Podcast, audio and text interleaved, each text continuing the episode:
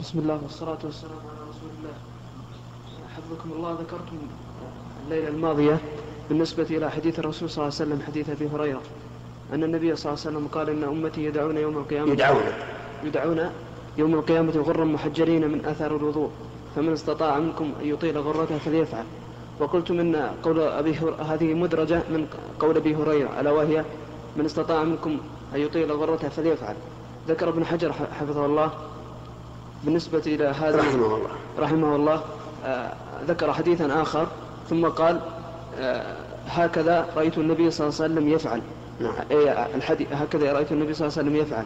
فقال هذا رد على آه على من يقول أن هذه مدرجة. ف... هذا الحديث الذي أشار عليه هو في مسلم. لكن ليس فيه أن أبا هريرة آه، خرج عن حد الوجه إنما فيه أنه غسل ذراعيه حتى أشرع في العضد وغسل رجليه حتى أشرع في الساق.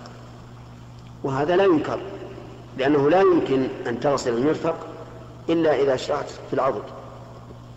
ولا يمكن أن أن تدخل الكعبين في الغسل إلا إذا أشرعت في الذراع.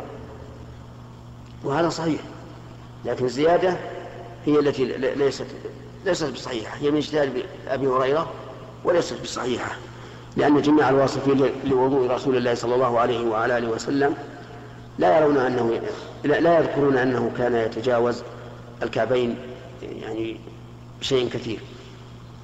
قال هكذا رأيت النبي صلى الله عليه وسلم نعم رأى يعني أشرع في العضد هذا هذا الآن الذراع. لا يمكن يدخل المرفق إلا إذا اشتعت في الأرض هنا.